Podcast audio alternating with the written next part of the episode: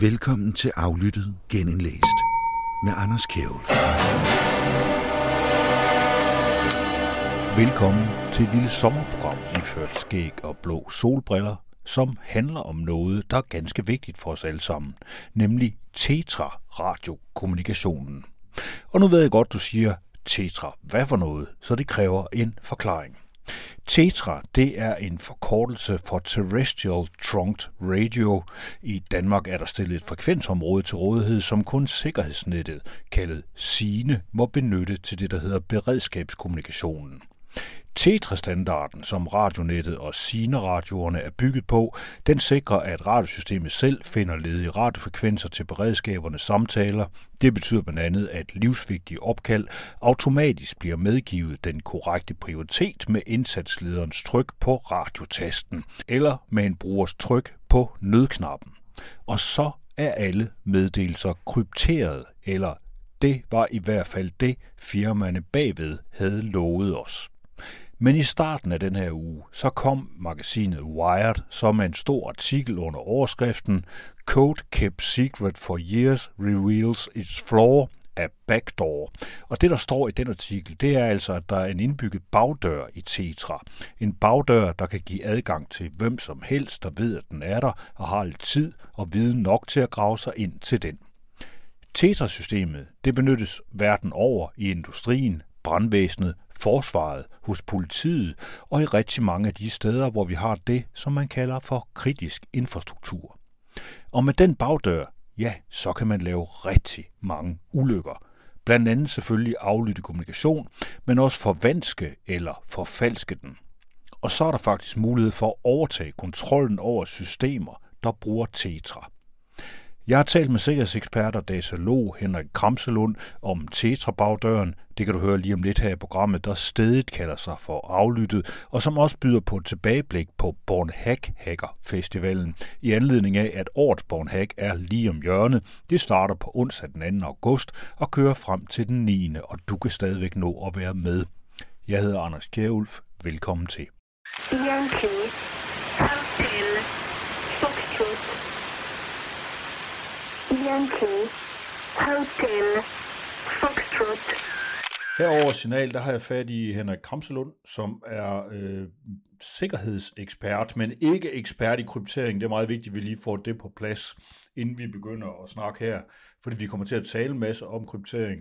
Og det, vi skal tale om, det er en historie, som ligger i Wired, øh, som kom i øh, den 24. juli, øh, og som handler om det system, de radioer, som øh, bliver brugt øh, øh, rigtig mange steder i Europa øh, til øh, folk, der arbejder med kritisk infrastruktur, politiet og alle mulige andre, som øh, bruger de her radioer til kommunikation. De er øh, krypteret, de her kommunikationer, så folk ikke kan lytte ind på det. Men det, der så viser sig nu, øh, og som er den store afsløring, som Wired har, det er, at den her øh, kodning af de her signaler, den er ikke øh, helt så god, fordi der eksisterer simpelthen, hvad, som jeg har forstået det, en hardkodet bagdør. Er det nogenlunde korrekt formuleret, Henrik Kramslund? Ja, det er også min opfattelse. Der ligger simpelthen en bagdør i den definition og i den måde, det er designet på. Så hvis man har implementeret det efter de regler og efter den, øh, det design, så er der en bagdør i det system, der hedder Tetra. Det her Tetra-system, kan du give en beskrivelse af, hvor udbredt det er? Jamen, øh, det vi ved, det er jo, at øh, politiet i Danmark øh, har skiftet til det for mange år siden efterhånden, og øh, det er udbredt til øh, redningstjenester rundt omkring i øh, Europa og andre steder. Det er øh, også noget, der åbenbart bliver brugt øh, til øh, rigtig meget styring efterhånden. Øh, vi har jo mange steder infrastruktur, der skal kontrolleres og bestyres og administreres forskellige steder i, i verden, altså den fysiske verden. Og der benytter man også typisk den slags kommunikationsprotokoller. Øh, det kan være 5G, som er meget populært i dag jo, og det bliver solgt meget 5G, 4G. Men tidligere har det også været sådan noget som Tetra, der har været på banen. Når man læser den her artikel, så, øh, så, så, så kan man forstå, at det her det handler simpelthen om, at der er folk, der kan gå ind i de her systemer og lytte med, og for den sags skyld også, måske også ændre nogle af de her kommunikationssystemer. Kan du prøve at forklare lidt om, hvordan kan det lade sig gøre? Jamen, øh, når vi, når vi bruger det begreb kryptografi eller kryptering, jamen så prøver vi at sikre kommunikation mellem to parter. Og øh, det man ønsker, det er, at der ikke er nogen, der kan lytte med, der er ikke nogen, der kan ændre beskederne, der er ikke nogen, der kan indsætte beskeder. Og øh, det, der så er problemet her med Tetra-systemet, det er, at man potentielt kan opsnappe beskederne og afkode dem, altså læse indholdet af beskederne, om det så er menneske-til-menneske kommunikation, to politifolk, eller det er en administrator til et teknisk system i den anden ende, så vil man kunne lytte med på, hvilke beskeder, der bliver sendt frem og tilbage, altså indholdet af beskederne. Men endnu værre, øh, så lader det til, at med, med de her bagdøre og de her problemer, der er i algoritmerne, i Tetra, jamen så vil man potentielt også kunne indsætte beskeder. Og øh, man kan sige, hvis man indsætter beskeder, nogle ordre til nogle politifolk, kan det selvfølgelig på nogle kritiske tidspunkter være meget øh, problematisk. Og tilsvarende, hvis man styrer noget infrastruktur, jamen så kan man potentielt lave skade i den fysiske verden på noget infrastruktur. Øh, potentielt noget, der ikke kan repareres, uden at man fysisk skal ud til nogle enheder og reparere dem. Vi befinder os lige nu i en øh, Europa befinder sig især øh, hvad hedder det i en der er en krigssituation mellem Ukraine og Rusland og sådan noget. Øh, teoretisk, hvad, altså, og man snakker utrolig meget om cyberkrig, at der er nogen, der ligesom kan gå ind og gøre ting. Hvad, altså teoretisk, kunne det være noget med et våben, eller hvad man skal sige, en, en teknik, som man ville kunne anvende, hvis man for eksempel ønsker at skade dansk infrastruktur? Jamen bestemt. Øh, det vil være noget, der vil være, være interessant at se på, hvis man kunne finde nogle kritiske systemer, og man kunne potentielt slukke for nogle systemer, man vil kunne øh, sabotere nogle systemer.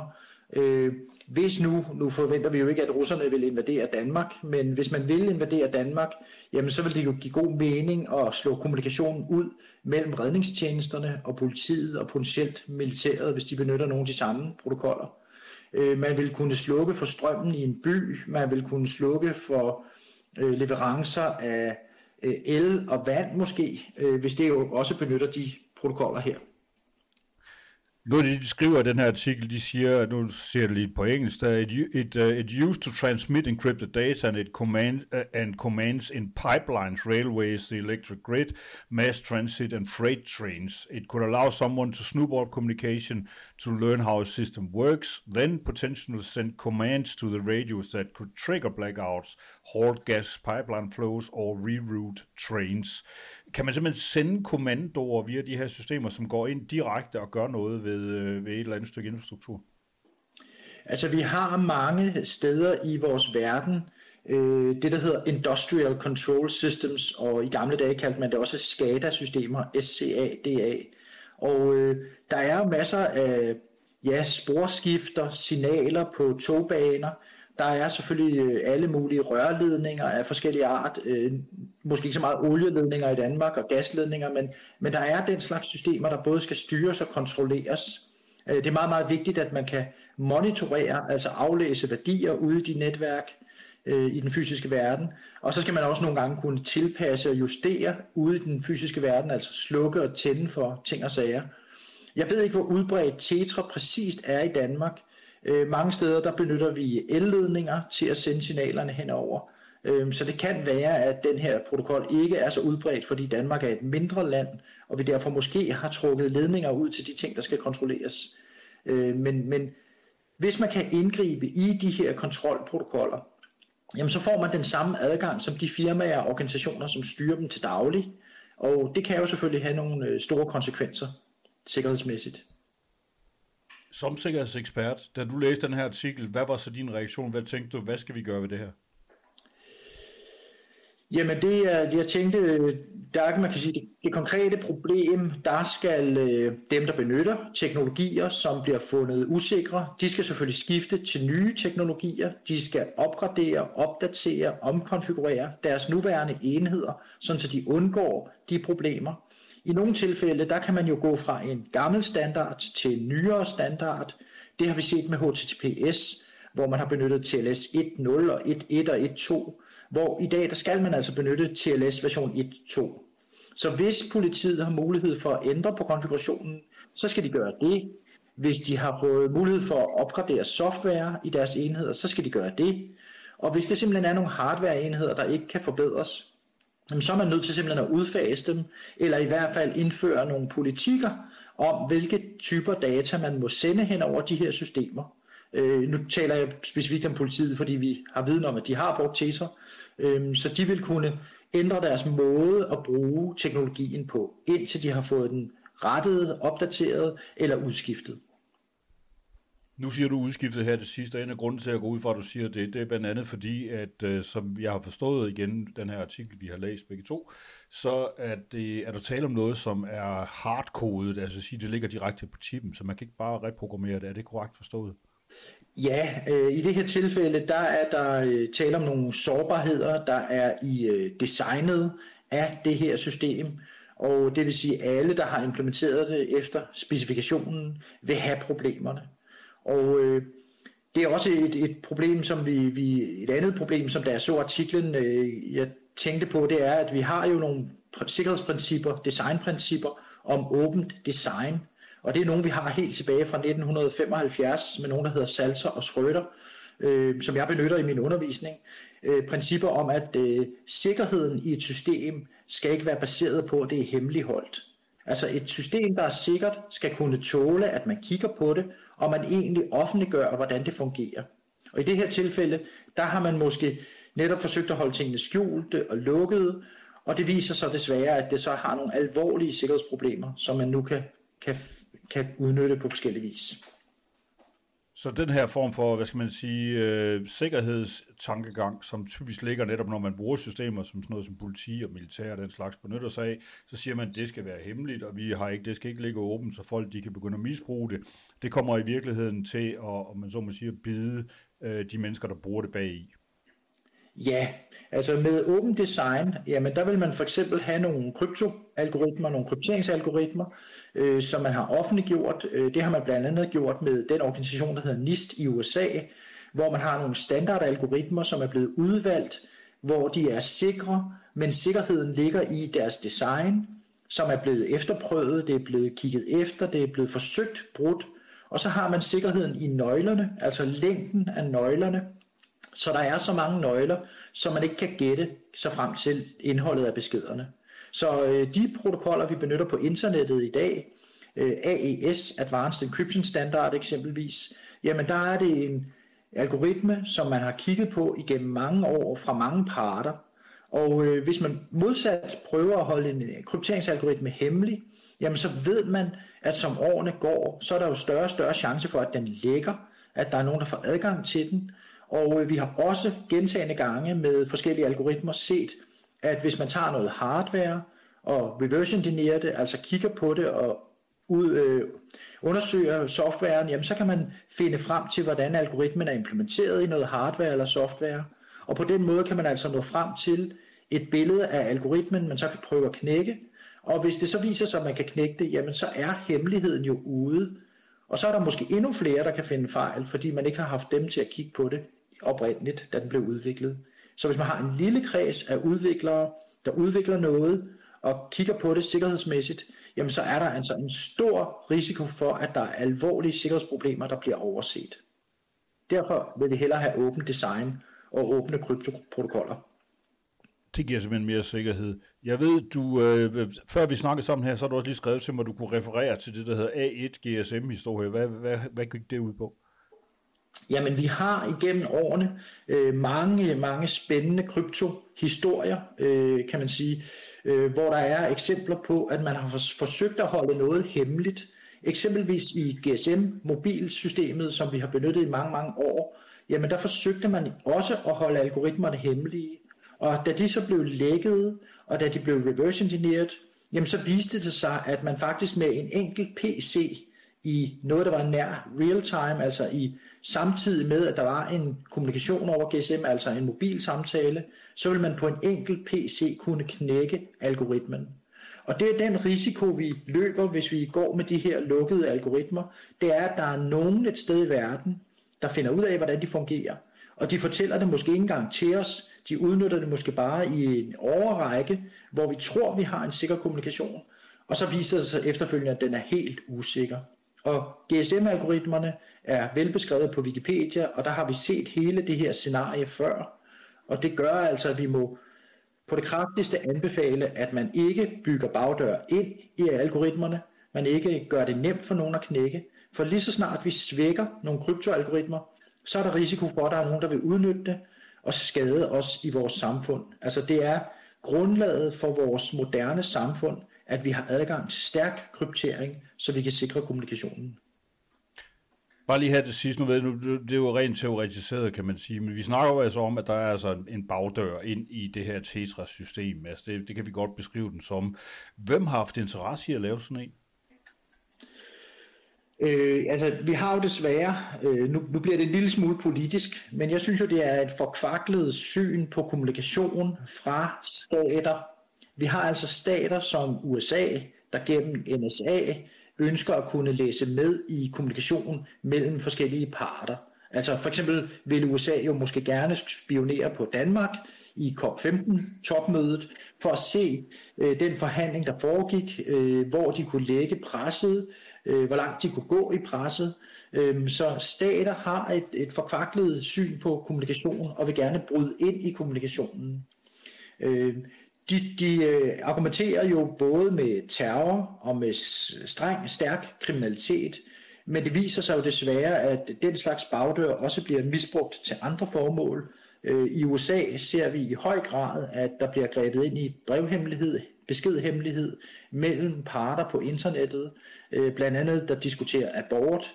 Øh, det er jo gået hen og blevet ulovligt i mange stater, og øh, derfor vil det jo være problematisk, hvis man griber ind i hemmeligheden der for privatpersoner men stater ønsker at gribe ind i hemmelighederne.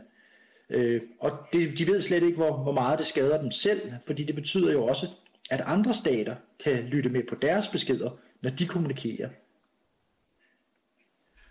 Mange tak skal du have, Henrik Kramslund, øh, IT-sikkerhedsekspert, datalog og underviser i cybersikkerhed på Københavns Erhvervsakademi.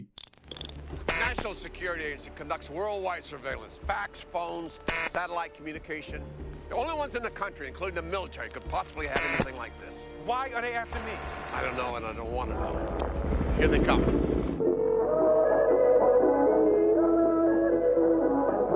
Knowing, seeing, and and Aflyttet har kontaktet dansk politi for at høre, hvilke forholdsregler de har taget i forhold til den her bagdør i Tetra, og de har faktisk svaret. Rigspolitiet kan grundet det sikkerhedsmæssige aspekt hverken kommentere på spørgsmål om, hvilken betydning det har for politiet den nationale sikkerhed, eller hvilke tiltag, der er gjort. Derfor har Rigspolitiet ingen kommentar, skriver de til mig. Aflyttet holder øje med udviklingen. In the councils of government, we must guard against the acquisition of unwarranted influence, whether sought or unsought, by the military industrial complex. The potential for the disastrous rise of misplaced power exists and will persist. We must never let the weight of this combination endanger our liberties or democratic processes. We should take nothing for granted. Only an alert and knowledgeable citizenry can compel the proper meshing of the huge industrial and military machinery of defense with our peaceful methods and goals, so that security and liberty may prosper together. I næste uge der er der festival for teknologiinteresserede. Jeg taler naturligvis om Born Hack, der finder sted fra den 2. til den 9. august på Fyn, hvor en bunke mennesker med stor interesse i moderne teknologi hører taler fra hinanden, går til workshops og i baren, mens de samtidig bor i telte og campingvogne og stor hygger sig. Aflyttet har været med på alle de syv tidligere udgaver af festivalen, og jeg har været i mine arkiver og fundet lidt frem fra alle de andre gange, vi var til Bornhack. I'm from Sweden and I am doing uh, radio hacking at Bornhack. Uh, we are standing outside. Uh, what is going on uh, behind that door? Uh, right now, I've been instructing people how to solder a software defined radio device so that uh, the people can uh, start listening in on different radio frequencies by their choosing, defined by the computer that they're running. What is? Uh, I've noticed that uh, radios are a general part of the hacker scene. Why do you think that? Why do, are computers and radios connected? I think there's currently two ways of communicating, either by cable or by wireless. And on the short distance, a lot of uh, people are interested in being able to set up their own infrastructure, and for that, Wi-Fi and Bluetooth has become uh, two technologies to communicate. And um, I think people are interested in being in power of the infrastructure, and that's the reason why people are so interested in uh, using and gaining access to these technologies.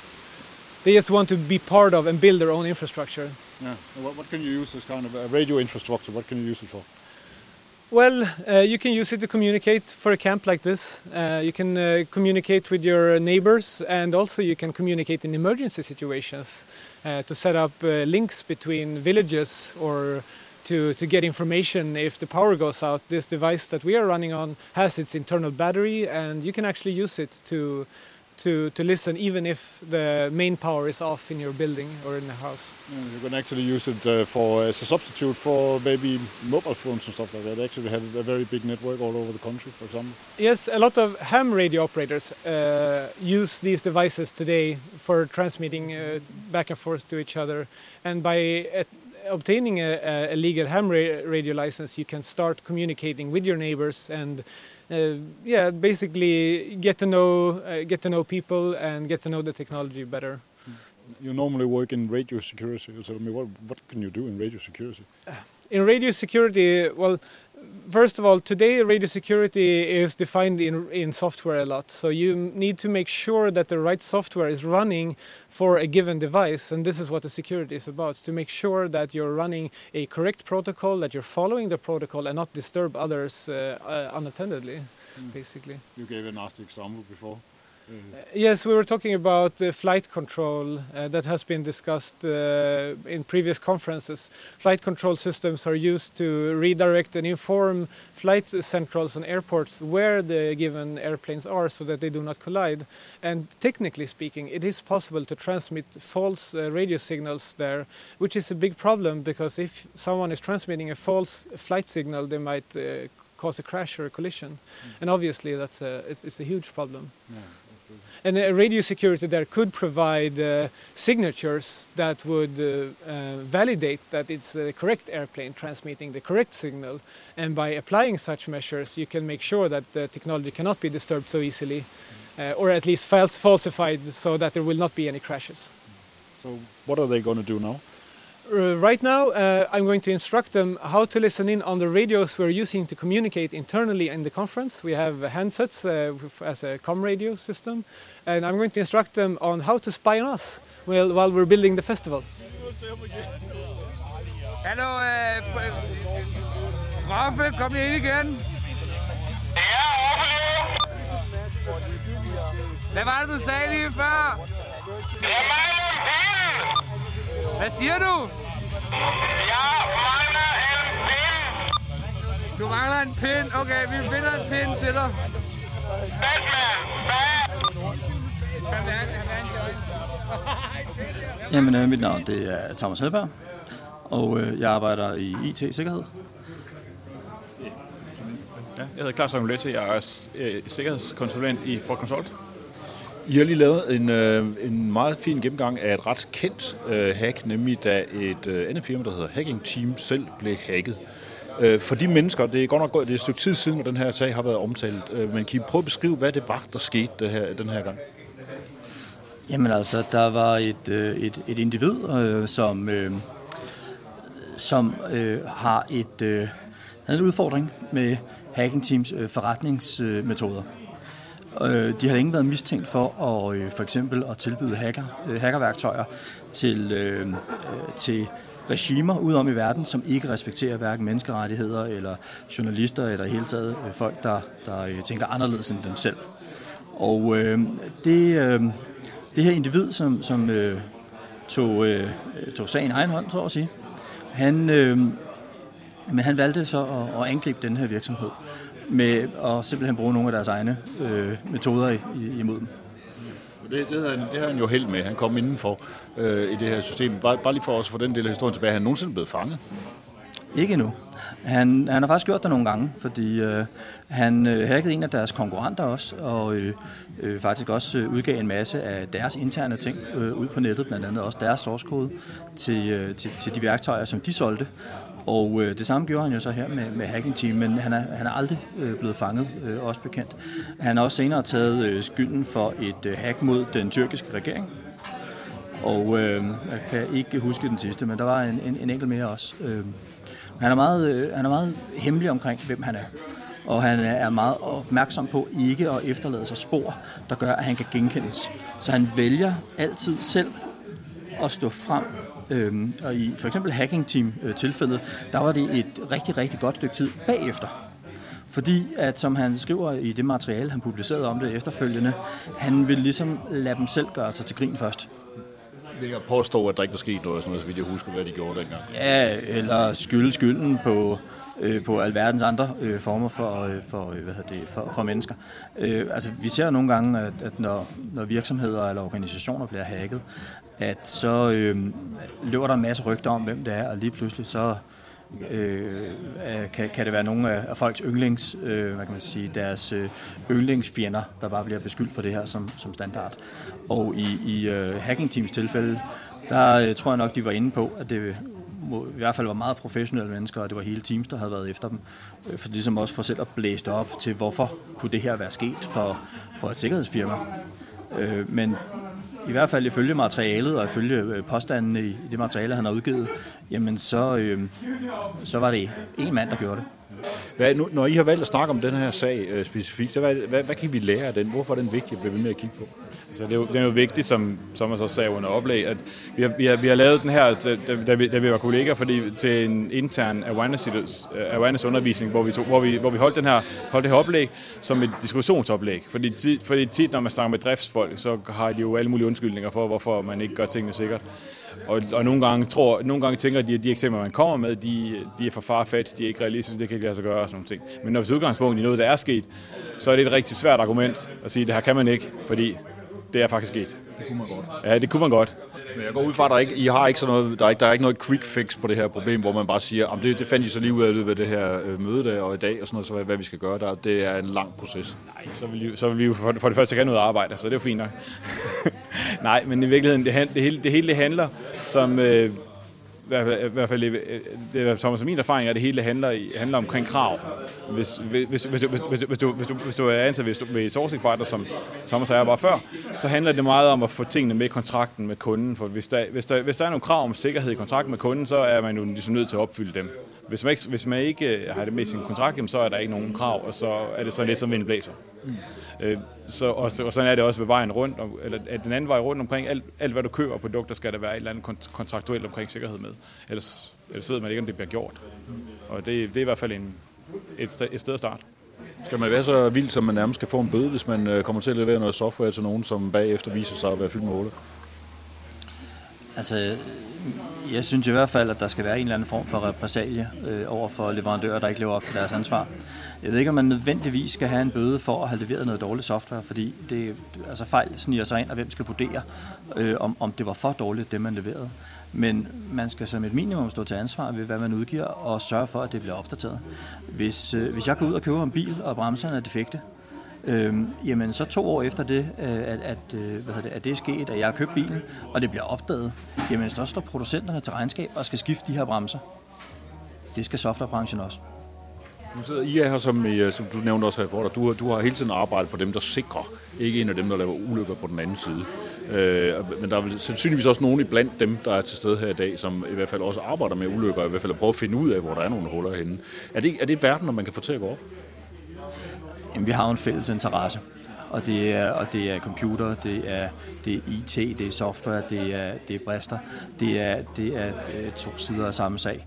Øhm, selvfølgelig er jeg ikke fan af, at man, man benytter tingene offensivt, at man angriber andre, men jeg er jo fan af, at vi får lukket sikkerhedsbrister. Jeg er fan af, at vi får, øh, får rettet nogle af alle de øh, ting, vi gør. Og nogle af de mennesker, der er herude, de er fantastisk kreative. De er anderledes tænkende, end, end mange andre er.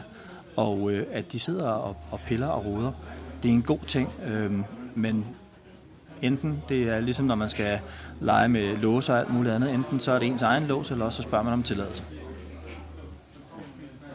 I, virkeligheden har vi jo samme interesser. Jeg, nu, nu ved jeg ikke, om der er nogen, om der er black hats her, men, men selvom man er en white hat hacker eller sådan en som os, der forsvarer, så har vi samme interesse om, at, om at verden og vores virksomheder skal være, nogle bedre, skal være et bedre sted.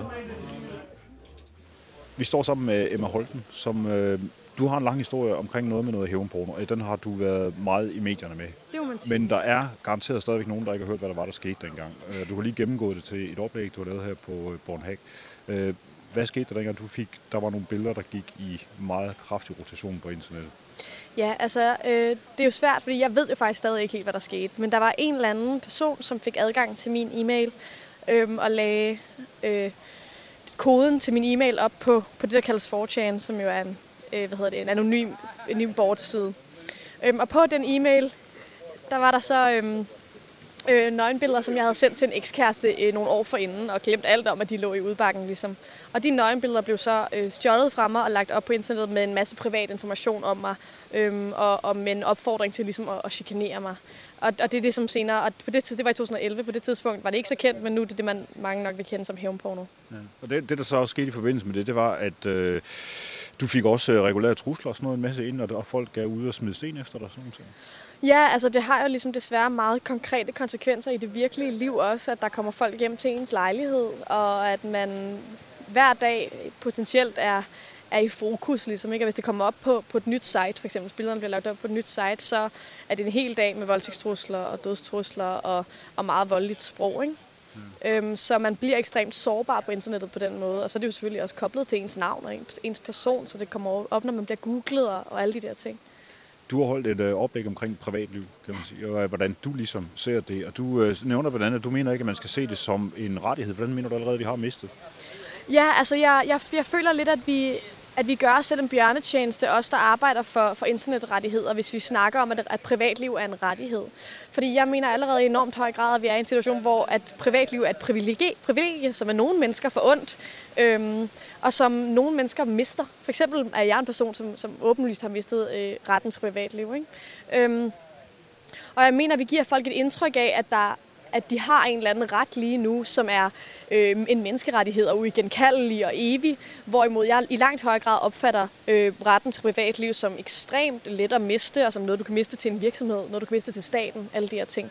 Øhm, og jeg tror, vi er nødt til at, hvis vi gerne vil have folk til at engagere sig i den her problematik, fortælle dem, at prøv at, den ret, du tror, du har, den har du mistet for lang tid siden. Problemet er så selvfølgelig, hvis man, hvis man siger, at det er et privilegie, så er det jo typisk sådan noget, man siger, det er noget, som det er blandt andet et udtryk, der bliver brugt i kønsdebatten, og det er noget, man siger, det skal man ligesom gøre op med, Ja. et privilegie. Og nu, nu siger du så i virkeligheden her, at øh, det er noget, vi skal have tilbage, eller noget, vi i hvert fald skal generobre på en eller anden fasong. Altså, det er min oplevelse, at det, det, det, som man både i kønsdebatten, men som jeg også bruger det her, vi kalder privilegier, de burde være rettigheder. Øhm, et privilegie er for eksempel retten til at, det er at, at blive behandlet med respekt, og blive set på som en person, folk tager alvorligt, og ikke blive udsat for, for seksuelle overgreb, og ikke blive udsat for krænkelser. Øh, det er et privilegie, som, som nogle mennesker har, men jeg har det for eksempel ikke, fordi jeg er udsat for en krænkelse. Det burde være en ret, alle de ting, vi kalder privilegier, men det er det bare ikke, og derfor er det privilegier, fordi vi både i kønsdebatten og også i mit arbejde prøver jeg at sætte fokus på de mennesker, som har tabt øh, de privilegier. Øhm, og det er, er noget snørklet noget, men, men jeg tror, det er enormt vigtigt at snakke om, at vi ikke alle sammen er på samme øh, rettighedsniveau her, at der er nogen, der, der ikke har det, og nogen, der har. Jeg er nødt til at spørge dig i forhold til den, de krænkelser, du har været udsat for. Er det holdt op nu? Nej, det er det, det er det ikke. Altså, det har måske fået en anden form, ikke? Fordi at jeg jo øhm, jeg er ikke så magtløs længere. Enormt meget af den type krænkelser, som foregår på nettet, handler om, at folk får et kick ud af at have magt over andre mennesker. Og når jeg så går frem og siger, prøv at vide, hvad jeg nægter at skamme over det, der er sket. I burde skamme jer, ikke mig. Så, så er der nogen, der mister lysten til det og holder op med at synes, det er så sjovt. Men det fortsætter på, på en helt anden måde, hvor jeg jo selvfølgelig stadig bliver øh, talt enormt nedsættende om og til, og jeg ved jo, at folk stadig deler og, og søger på de gamle billeder, og så jeg tror desværre ikke, at jeg, jeg nogensinde vil holde op med at være udsat for hævnporno, ligesom, men, men jeg har fået noget magt tilbage, hvor, som er, at det ikke længere er en hemmelighed. Ikke? En anden af dine pointer i dag i din tale, det var, at øh, det her med privatliv, øh, det er noget, som øh, vi har tendens til at definere i forhold til, at vi ligesom er, har noget privatliv, vi er enige om, hvad er for noget. Men hvor du siger, at det, at det er jo meget forskelligt for folk, hvad det, det er, øh, de, de mener er privat. Præcis, jeg oplever, at der i, i den offentlige debat om, om specielt et privatliv på internettet, der er der en eller anden idé om, at vi alle sammen øh, sætter den samme grænse, at vi enten sætter den ja, ved, ved at blive filmet på gaden, eller vi sætter den ved øh, medicinske journaler, eller vi sætter den ved adresse og sådan noget. Men når jeg er ude og snakke med folk om privatliv, så bliver det meget hurtigt tydeligt, at det er ekstremt forskelligt. At det er alt fra folk, der ikke engang vil have en Facebook-profil, til folk, der øh, rask væk bruger MobilePay og Google Maps og bliver placeret og alle mulige ting. Og jeg tror, at vi, at vi snyder os selv i befolkningen, hvis vi tror, at vi alle sammen er enige om, hvad det private er. Øhm, og det skal vi som i den bevægelse, der arbejder for privatlivsrettigheder, ikke nødvendigvis se som en skade, men tværtimod som et bevis på præcis, hvorfor det er så vigtigt at tale om de her ting. Fordi at det, vi holder privat, er jo præcis det, der gør os til, hvem vi er. Øhm, vi er ikke alle sammen ens. Nogle er, øh, har en masse ting, de aldrig nogensinde vil have, nogen skal finde ud af. nogen er pisse ligeglade. Og det er fantastisk, vi er forskellige, men det betyder altså også, at man ikke kan lave ens regler for os alle sammen. Og man kan virkelig sige, at det er det, vi prøver på. At de valg, vi får, det, det er netop nogen, der er baseret på at sige, at du har ret til det, og derfor så, så gemmer vi kun en bestemt slags informationer, men ikke de andre. Præcis. Og det, det, du gerne vil have frem til, der er virkelig, at vi kan lave nogle, skal man sige, nogle individuelle valg i den her sammenhæng. Altså, du nævnte det der med, at man kunne forestille sig, at man inde på borger.dk ligesom kunne slå til og fra, hvad for nogle oplysninger, man øh, for eksempel det offentlige skulle have adgang Ja. til. Ja, for eksempel, altså hvis man har et eksempel, så, så er det jo, at vi lever i et samfund, hvor der desværre findes homofober tilbage stadig. Og at øh, for nogle mennesker er det ekstremt smertefuldt at springe ud som homoseksuel. For nogle mennesker venter mange år med at sige det til sin familie, for eksempel.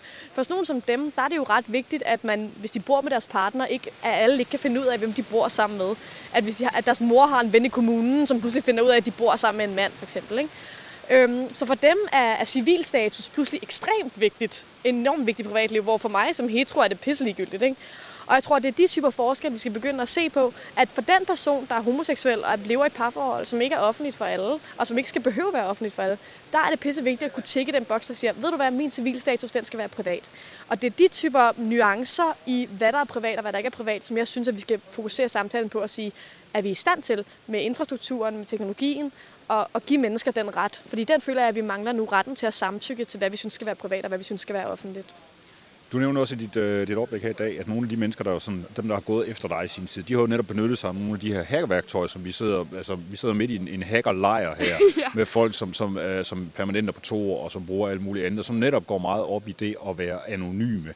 Øh, hvordan, altså det, er, er det, du kommer så ind, kan man sige, du er virkelig midt i løvens hule i den her Ja, det må sammenhæng. man sige.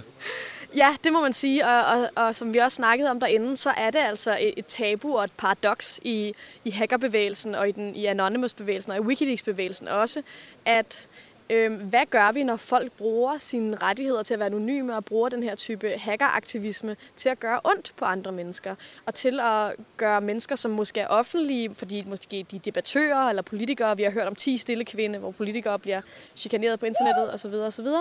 Øhm, hvad, hvad, hvad gør vi med dem? Skal de have lov til at bruge sin anonymitet til at begå vold, eller, eller skal vi ligesom skal vi udstille dem, eller skal vi nægte dem retten til at være anonyme? Og, og det synes jeg er, jeg har bestemt ikke noget svar på det, men jeg synes, det er en ekstremt vigtig debat, at vi snakker om, øhm, hvad, hvad betyder øh, ytringsfrihed for os, og hvad skal det betyde for os rent teknologisk? Øhm, skal en, en, en person, der bruger Tor til at sprede børneporno, have lov til det? Skal vi beskytte den persons rettigheder, eller skal vi beskytte barnet? Skal en person, der bruger Tor til at lave hævnporno, have lov til det?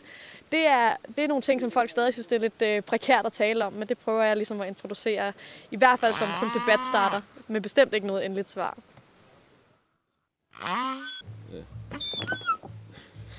Den er, det er en astmatisk gris. Nej, den er på meget Og fra, øh, og fra remixet på den i ret mange dage, så den er lidt træt. Her ved siden af, der står den grønne pirat Rolf, snart et fast element i rigtig mange af vores programmer. Hvad laver du her på Bornhex? Uha, jeg er her, fordi det her det er det sted, jeg har let efter hele mit liv.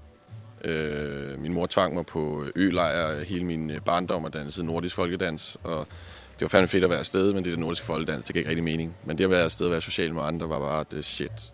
Siden da så er jeg så forsvundet ind i det der digiland der, og det har været lidt svært at forene øh, computerskærmen med at være ude i skoven. Og så det der kom op, så var det sådan lidt, øh, så var der lige pludselig lavet sted til mig. Så du, er simpelthen, du føler, at du er kommet hjem? Ja, fuldstændig. Det er, er altså... Man kan, man kan være i en tilstand, hvor man kan åbne op over for nye impulser, og samtidig faktisk få impulser, som man interesserer sig for, og som er høj, høj kvalitet. Altså.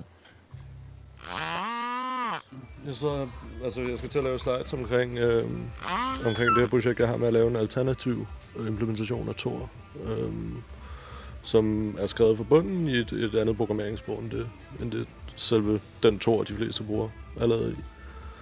Så det er simpelthen en ny, øh, altså en ny browser eller en ny klient? Eller?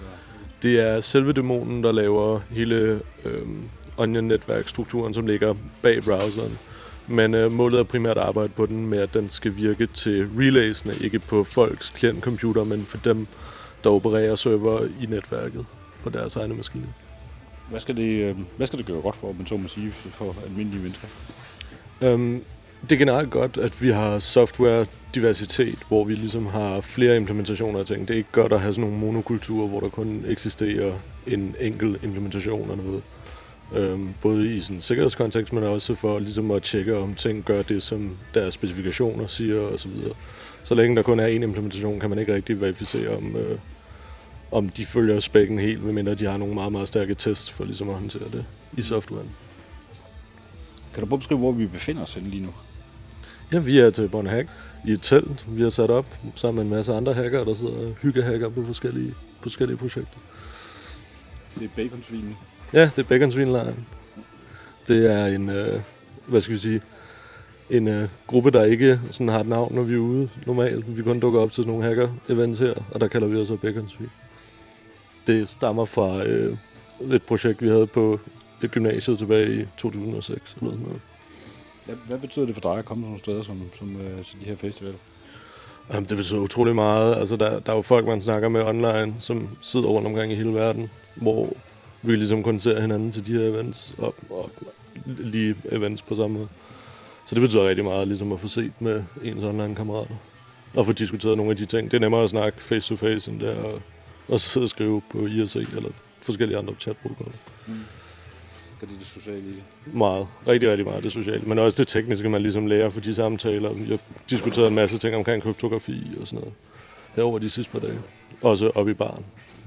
Du er også en, jeg ved, du er en, der går ret meget op i, øh, hvad skal man sige, egen sikkerhed, i hvert fald, hvad din, øh, hvordan dine systemer er sat op. Skal du fortælle lidt om, hvad du sådan har gjort for at sikre, at der ikke øh, er nogen, der kan kigge på din kommunikation?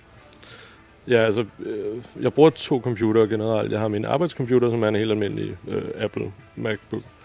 Um, og så har jeg ligesom en laptop, hvor jeg har uh, pillet en del ved den. Jeg har fjernet mikrofoner, jeg har fjernet højtalere.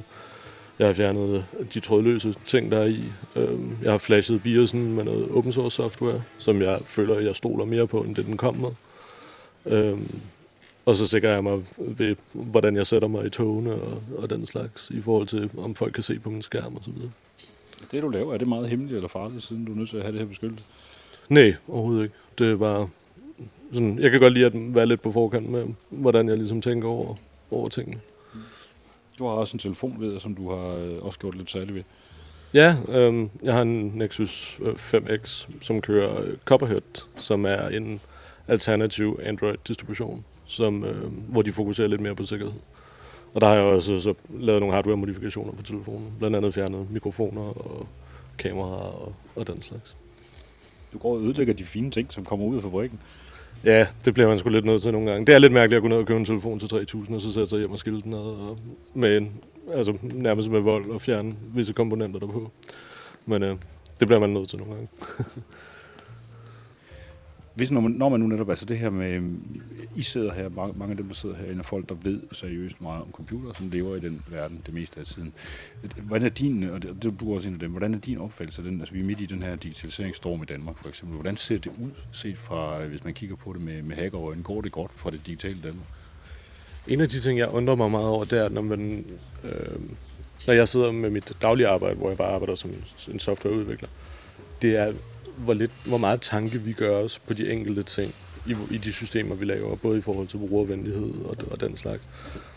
Og hvor lidt det ser ud, som om der er tænkt over det, når man for eksempel, hvis man har en enkeltmandsvirksomhed, skal ind på skat hjemmeside, eller alle de der offentlige services, der ligesom bliver digitaliseret.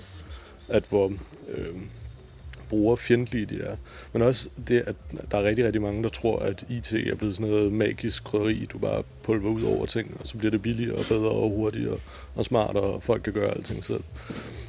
Det tror jeg ikke helt selv på. Øhm, jeg bruger også en, en fysisk kalender. Jeg bruger stadig ikke en synkroniseret kalender og sådan nogle ting. Jeg synes ikke, man skal bare pisse digitaliseringen ned over alting. Jeg synes måske nogle gange skulle man tænke lidt over problemerne, i stedet for bare at prøve at løse dem med IT. Det er lidt ligesom om, at man øh, tager fat i tech-drengene, og så finder tech-drengene en løsning, og så er problemet løst. Og i virkeligheden har de bare skabt 12 nye problemer med det. Det bliver vel også den der klassiske med, hvis man netop beder nogen, altså hvis man siger, at vi skal have gjort, fikset det her med nogle computer, så bliver det den her klassiske med at få en hammer lige når alting søm, så man er nødt til ligesom at bare gå i gang med at finde på et eller andet, så laver man noget, som måske ikke er så godt. Ja, præcis. præcis. Det er meget det. Øhm, og jeg synes, det bliver værre med tiden. Altså det virker lidt som om, for 10 år siden, der var det lidt mere stille og roligt. Og nu virker det lidt som om, at alting bare skal gøres på en tåbelig og dum måde. Øhm, det gad jeg godt lidt. Jeg, jeg ved ikke helt, hvad man kan gøre ved det, altså, fordi det er jo ligesom noget, der skal noget politisk vilje til. Øhm, jeg tror, det kunne være rigtig godt, hvis vi havde en eller anden form for struktur, hvor vi kunne i hvert fald finde ud af, når store sådan nogle IT-projekter og digitaliseringsprojekter går galt, når det engang imellem sker. For eksempel med sådan noget IT-haverikommission og sådan noget. Det tror jeg kunne være en fordel. Det sted, vi befinder os lige nu, det er på mange måder centret i hele den her festival. Det er selvfølgelig baren. Baren i sig selv er øh, bygget op, ændrer sig konstant. Øh, den bliver øh, passet af en, øh, en pige, som er meget aktiv med at hele tiden lidt sætte hængekøjer op og bygge ting ud og alt sådan noget. Det er et meget, meget hyggeligt sted herinde under nogle, øh, med nogle piletræer, hvor der er sat nogle presenninger op. Uh. Det larmer godt nok lidt rigeligt ja, her måske. Ja, ned ved, mod indgangen. Vi kan også bare, man kan næsten også tale, mens man går. Ja, det, det falder dejligt hurtigt. Ja, det er også derfor, jeg undrer mig over, at vi har fået de støjklæder der. Eller det er jo bare en enkelt dag, altså. Men... I har fået en støjklæde? Ja, vi har fået en øh, ja, de sidste par dage, men øh, Nå. eftersom vi også fik en i nat, hvor musikken var så lav, så Ja, så, så man nærmest ikke kunne høre den. Når man var 10 meter væk fra baren, så er vi blevet enige om, at hun nok bare er lidt, lidt sart. Kan du Hvem er du? Øh, jeg hedder Thomas Sten Rasmussen, og jeg øh, er en af arrangørerne, som er med til at lave Born Hack her. Du er central her. Du er en af dem, der ligesom render rundt og skal holde styr på alle de her ting. Du er permanent wired op med en lille radio, og folk tager fat i dig konstant for at skulle et eller andet. Hvad, øh, du, du får jo ikke rigtig selv deltaget så meget, men har du, sådan, har du selv projekter med herovre? Ja, det har jeg. Jeg skal holde et par talks, og det skal selvfølgelig øh, forberedes. Og, øh, og generelt så er der, ja, der, der er altid lidt at se til. Vi har en uh, Hacker Jeopardy konkurrence kørende, som, uh, som jeg er i gang med at, at lægge sidste hånd på, på de næste runder. Og uh, ja, der er masser at se til. Men nej, jeg har måske ikke fået, fået sidde med min laptop så meget, som jeg plejer, når vi er afsted til festivaler, som vi ikke selv arrangerer. Kan du prøve at fortælle mig, hvad, hvad det der Hacker Jeopardy, hvad går det ud på? Jamen, det er en, en, en udgave af, af Jeopardy, som, som er kendt fra TV 90'erne, hvor vi har skiftet spørgsmålene ud med nogle, med nogle mere nørdede nogle af slagsen det er sådan en, øh, en, et afslappende indslag. Vi har et, et rimelig tungt talerprogram her øh, med, med dygtige og meget seriøse taler og tunge tekniske emner og politiske osv. Så, videre. så det er fint med lidt, øh, lidt afslappning. Øh, det, der plejer at være super god stemning. Publikum gætter med, og, øh, og der er generelt, det er generelt nogle, nogle fede indslag. Kan du give et eksempel på nogle af de spørgsmål, man ville kunne få i det Hacker Jeopardy?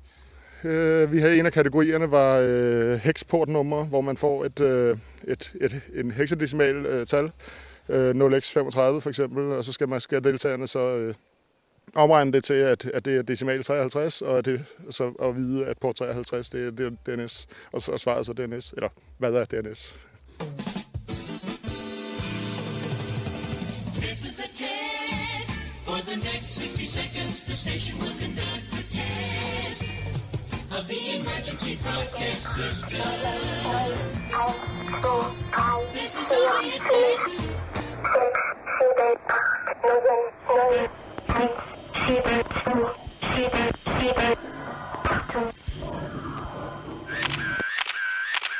Bornhack finder altså sted fra den 2. til den 9. august lige om lidt. Du kan læse mere på bornhack.dk, og du kan faktisk stadigvæk godt nå at købe en billet. Ja, er der noget af tiden. Måske ses vi. Det var, hvad jeg fik skruet sammen til dig i aflyttet denne gang. Jeg vender tilbage med nye optagelser fra Bornhack om en eller to uger. Jeg mangler stadigvæk en sponsor, så skriv mig, hvis du er med på den. Du kan få fat i mig på aflyttet snabelag proton.me aflyttet snabelag proton.me Tak fordi du lyttede med, mens vi leder efter sandheden i en sjæl og et læme. Det bliver nok ikke lige nu, men måske om lidt.